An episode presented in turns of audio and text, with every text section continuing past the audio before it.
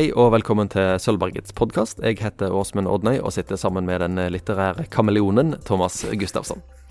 Vi snakker om klassikere i podkasten vår, og alle episodene finner du der du fant denne. Hvis du har spørsmål, kommentarer eller kritikk, så vil vi veldig gjerne høre fra deg. I denne episoden skal det handle om romanen 'Salamanderkrigen' av, av Karel K. Chapek, tror jeg det uttales. Han var fra Tsjekkoslovakia, som det het den gangen. Han var 46 år gammel da Salamanderkrigen kom ut i 1936, og det var en av de aller siste bøkene hans. Den er på ca. 240 sider. Thomas, du, før vi begynte her, så sa du at uh, dette er en bok som nesten ingen har hørt om, og ingen har lest. Men det, det stemmer kanskje ikke helt, for han har en, en, en bra standing der ute i verden. Å, ja, ja, absolutt, ja. Men, men likevel, den er mindre kjent enn mange av de andre bøkene vi har snakket om Ja. eh, i des, disse podkastepisodene. Det er mer som en kultbok kan man si. Än som en sånn, det er en, Jevnført med Stolthet og fordom liksom, så er det mer, ja. Mm. Ja, Salamanderkrigen. Hva, hva, snak, hva snakker vi om her? Er det sjanger? Hva handler det om? Det er en dystopisk samfunnskritikk med innslag av uh, uh, terrarieteknologi. Ehm, det, det, det eh, hva- Hur ska fortelle den sånn Kort sagt så handler det om at menneskene finner en type øgla som lever i vannet, som er hyperintelligent og kan lære seg å snakke og lese og jobbe eh, på en veldig kort tid. Um, og de behandler selvfølgelig de her dyrene veldig dårlig. Eh, eh, den begynner sykt morsomt. Den, den er kjempemorsom. Et av de, en av de scenene jeg husker, Første gang jeg leste den boken, var jeg kanskje 20 år. Og det, jeg, har, jeg har liksom sittet igjen med den scenen der de har tatt en, eh, en sånn salamander på, på et eh, zoo i f.eks. London. Og så eh, Han som liksom steller zooet, han, han som vasker og sånn, han, han oppdager at den her um, uh, salamanderen eh, svarer honom eh, s- eh, tiltaler han med navn. Og så eh, etter hvert som han eh, fortsetter å gå der og vaske og sånn, så, så kommer, de ut, kommer de i snakk, liksom. Men han gjør det i, i hemmelighet for liksom, eh, direktøren på, på Zoom, for han vet at direktøren ikke liker når de, når de lager, lærer dyrene triks. Så eh, etter hvert så, så utvikler det seg til at eh, mens eh, han her mannen eh, vasker gulvet, så sitter salamander og leser avisen for ham. og så byttes de om på det, og så, og så vasker salamanderen, og så leser han mannen eh, avisen for, for um, eh, salamanderen, da. Og så oppdager eh, direktøren for Soet dette ved en tilfeldighet og blir veldig opprørt. Eh, I tillegg liksom at at han som skal være vitenskapsmann, blir opprørt av dette, for det passer ikke inn i hans tankegang. Liksom. Og så tar de med seg um, uh, andre vitenskapsmenn og intervjuer han salamanderen da. Og så er han jo veldig nysgjerrig, for han har jo veldig begrensa uh, kunnskap. Han kan bare det som står i den ene avisen som han vaskemannen uh, leser. Så det er det eneste han vet om, og så snakker han veldig i sånne eh, overskrifter. Liksom 'Kjøp denne aksjen!' Eller liksom oppfordringer. Han, det, det er sykt morsomt. Og så kommer en stor gjeng med vitenskapsmenn og skal kartlegge, og så blir de irritert på salamanderen, for salamanderen stiller spørsmål. Her er det vi som stiller spørsmål. Så den begynner i en sånn eh, bisarr, morsom, lett tone. Eh, og, det, og det beste av alt er når salamanderen en sjelden gang får komme til tale, for da er det dødsmorsomt. Og så tar det ikke lang tid før den stuper eh, nedover eh, i mørket, på en måte. Mens den, Altså fysisk eller i overført betydning? overført betydning den, Det blir veldig ubehagelig ganske fort. Det, eh, for de behandler eh, jo de her salamandrene eh, forferdelig, og uten tanke på at om et dyr eller en skikkelse er så intelligent, så kanskje de fortjener å behandles på en annen måte. Ja. Um, så det er tydelige paralleller til slavehandel, og det er kritikk mot, mot vitenskap og menneskenes overforbruk. Og det, det er en utrolig tidig eh, samfunnskritikk på veldig moderne eh, ting, da.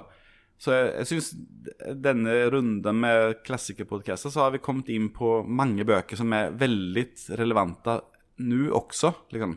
Og det gjelder også denne boken, da. Men når jeg har lest om denne boka, så virker det på meg som at salamandrene på et tidspunkt begynner å ta igjen. At de uh, strikes back. Ja, The Salamander Strikes Back. Ja, hva, hva skjer? Ja, det er jo det som er, som er tittelen, da. Eh, så den er på en måte Den har tre deler, boken. Eh, den første delen er ganske lys og morsom. Ikke så lys som jeg husker den fra når jeg leste første gangen, og ikke så lys som det står når du leser om boken. For det du, du blir Jeg blir sjokkert over hvordan de behandler Selv om dette bare er en bok, liksom. Dette har ikke skjedd. Men jeg blir likevel sjokkert over hvordan de behandler eh, salamanderne. De fleiper med å drepe dem og liksom sånn. Eh, så det er del én. Eh, Del to er når det begynner Salamanderne begynner liksom For de, de er veldig intelligente og veldig lettlært. Eh, de begynner å ta igjen litt.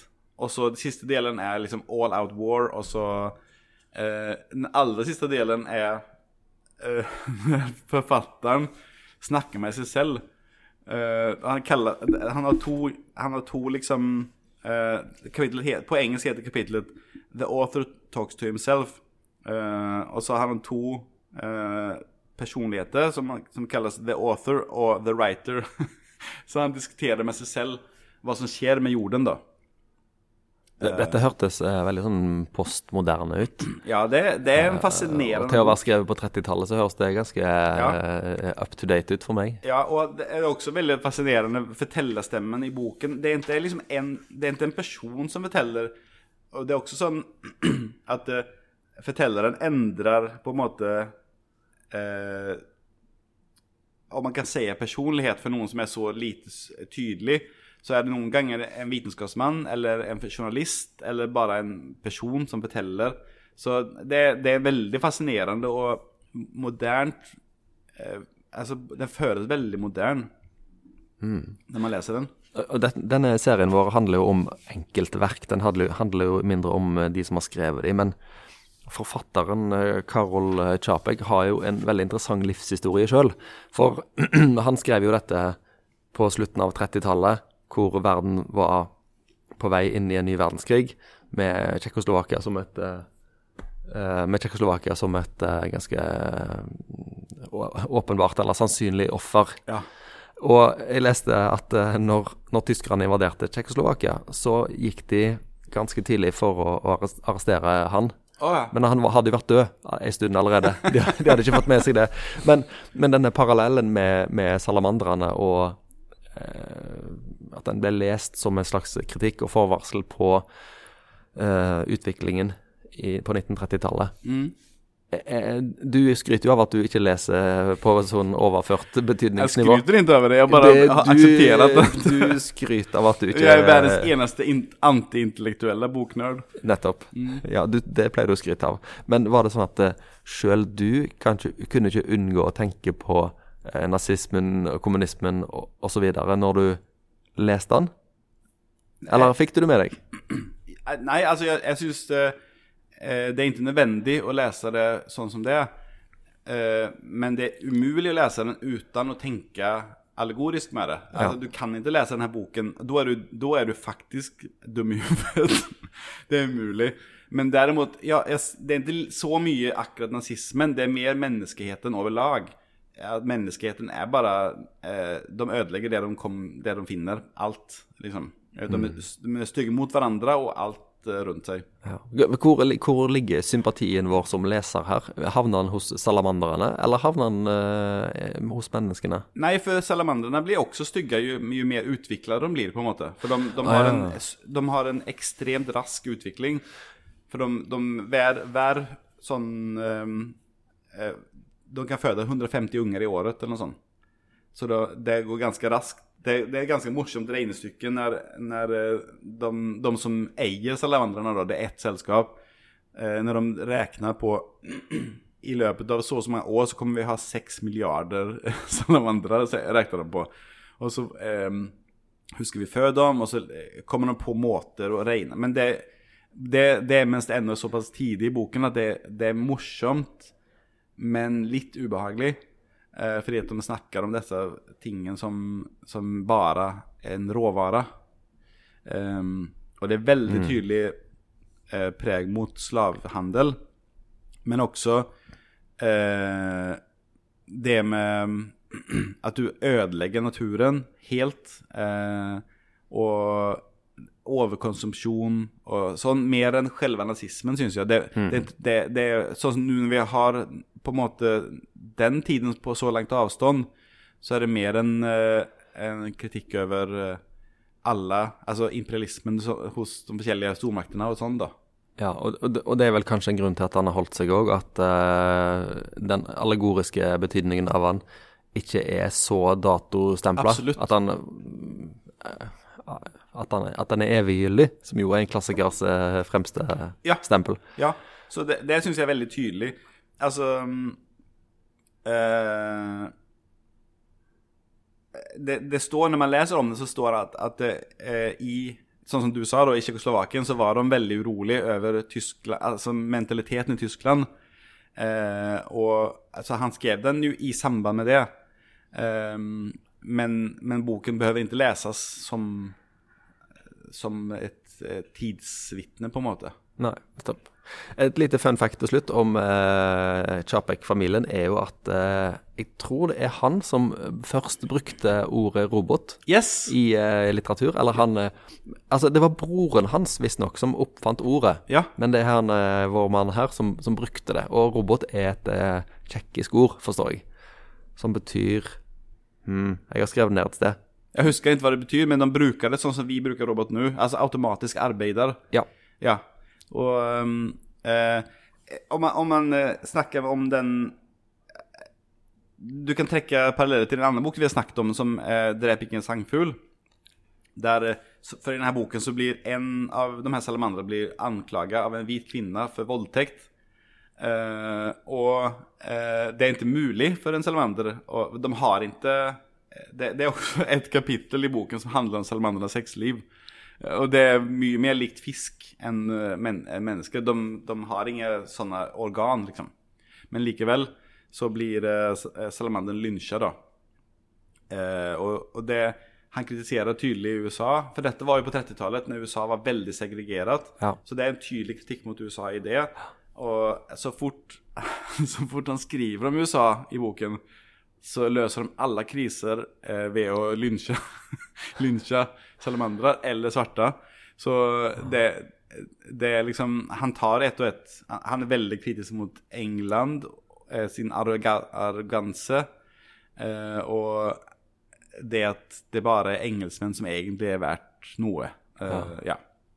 Den, er- den er overdådig kreativ eh, i måte, i formen. Den, det er veldig tidig eh, det, det er veldig tidlig eksperimentell, føler jeg. Sånn som en fotnot. Det er veldig, det, I, midt, I midtre delen av boken så er, den skiller seg litt, for det er veldig mye sånn vedlegg, kan man si. Eh, og det er litt vanskelig å lese som e-bok, så jeg har lest den både som, eh, på engelsk, norsk og svensk og e-bok. Men som et sånt eh, De har lagt ved i boken, så står det sånn Sammenlign følgende høyinteressante utklipp. Dessverre i et ukjent språk, og derfor uoversettelig. så han har liksom likevel lagt ved et eh, utklipp. Det, og det er typisk for den boken. da. Og så Et annet sånn ting som skjedde i begynnelsen av boken, er der de eh, skriver om første, gang, første møtet med en sånn salamander. skriver han at salamanderen sto omtrent 150 meter borte og ventet likegyldig med hendene hvilende på skuldrene. hva, hva betyr det? Du kan jo ikke hvile med hendene på skuldrene. Det er bare en sånn absurd setning. Um, og så tenkte jeg bare noen sånn anmeldelser fra når den kom ut. Uh, så i den ene boken jeg hadde, så var det uh, uh, liksom sånn blurbs da fra 30-tallet, som jeg syntes var ganske spennende. Og Ja, den, det er gøy. den, som er, den beste er fra Norge, Morgenbladet i Norge. Og da, da sier de den er spennende, den er grotesk, og den er dypt alvorlig. Og det er veldig bra på, på, på Eksakt sånn er det. Den er veldig spennende, den, den er grotesk, og den er også seriøs. Og særlig på den tiden når det var en overhengende krise som hvilte over verden. mens i Tsjekkoslovakia så skrev de hele boken er fra begynnelsen til enden full av strålende morskap og vittige påfunn. Som også er sant, men mer overfladisk, da, kan man si. I Sverige skrev de Chapiks bok er i sin art en av de kvikkeste som er skrevet i vår tids Europa. Uh, jeg syns uh, det er en utrolig fascinerende jeg har, uh, jeg har, aldri lest noe lignende, og det må være en av de tidligste Det er på en måte å se på som en science fiction. Um, og det må være en av de tidligste tydelige samfunns... For Jules Verne har skrevet science fiction før, men det er ingen kritikk i det. liksom. Det er mer en underholdningsbok for, for ungdommen, kanskje. Men dette er et veldig effektivt grep som han gjør, syns jeg.